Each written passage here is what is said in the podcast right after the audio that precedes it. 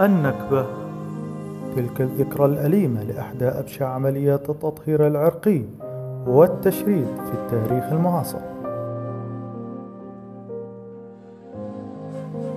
حاسس أني أنا الحين كأني في الجنة في في, في بلدي كأني في جنة.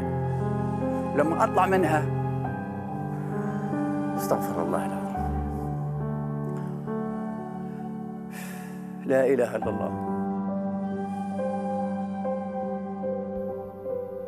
يستذكرها الفلسطينيون في الداخل والشتات كل سنة وتحديدا في شهر آيار لإبقاء القضية الفلسطينية العادلة حية في القلوب جيلا بعد جيل فالحق لا ينسى ولا يباع.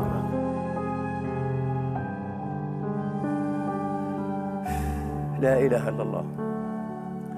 إحنا على كل حال فيش دين في الأديان لا المسيحي ولا اليهودي. ولا دين في الدنيا بيسمح لهذا الكلام إن نضل مشردين.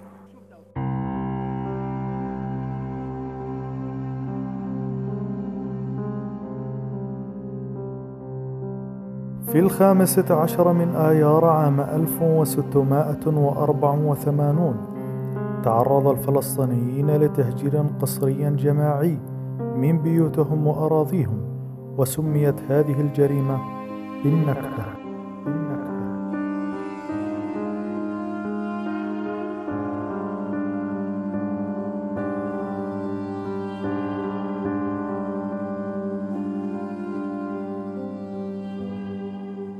وتمثلت في نجاح الحركة الصهيونية بدعم من بريطانيا في السيطرة بقوة السلاح وعلى القسم الأكبر من فلسطين وتحديدا على 78%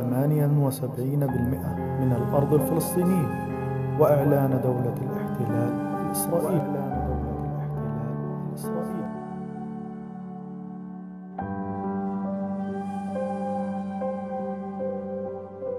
فاحنا ما رجعناش على بيوتنا. فظلينا طارديننا. صار يجيبونا من برا ويقولوا سيروا اصحابين البلد وإحنا ملناش بلد. وإحنا اصحابين البلد يعني. إحنا أرضنا هذه وبلادنا.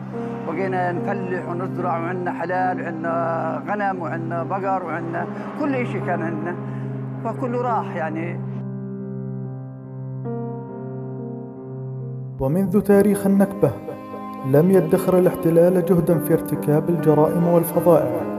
وأعمال النهب فدمر أكثر من 500 قرية فلسطينية وحولها إلى مستوطنات كما هجر العائلات وحاول طمس الهوية الفلسطينية بشتى الطرق.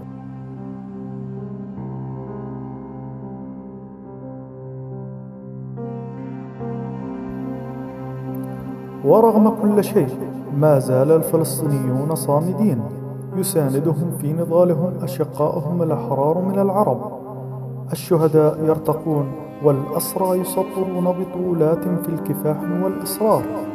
والأطفال يكبرون على حب فلسطين. والانتفاضة مستمرة حتى ترجع الحقوق لأصحابها. حتى ترجع الحقوق لأصحابها.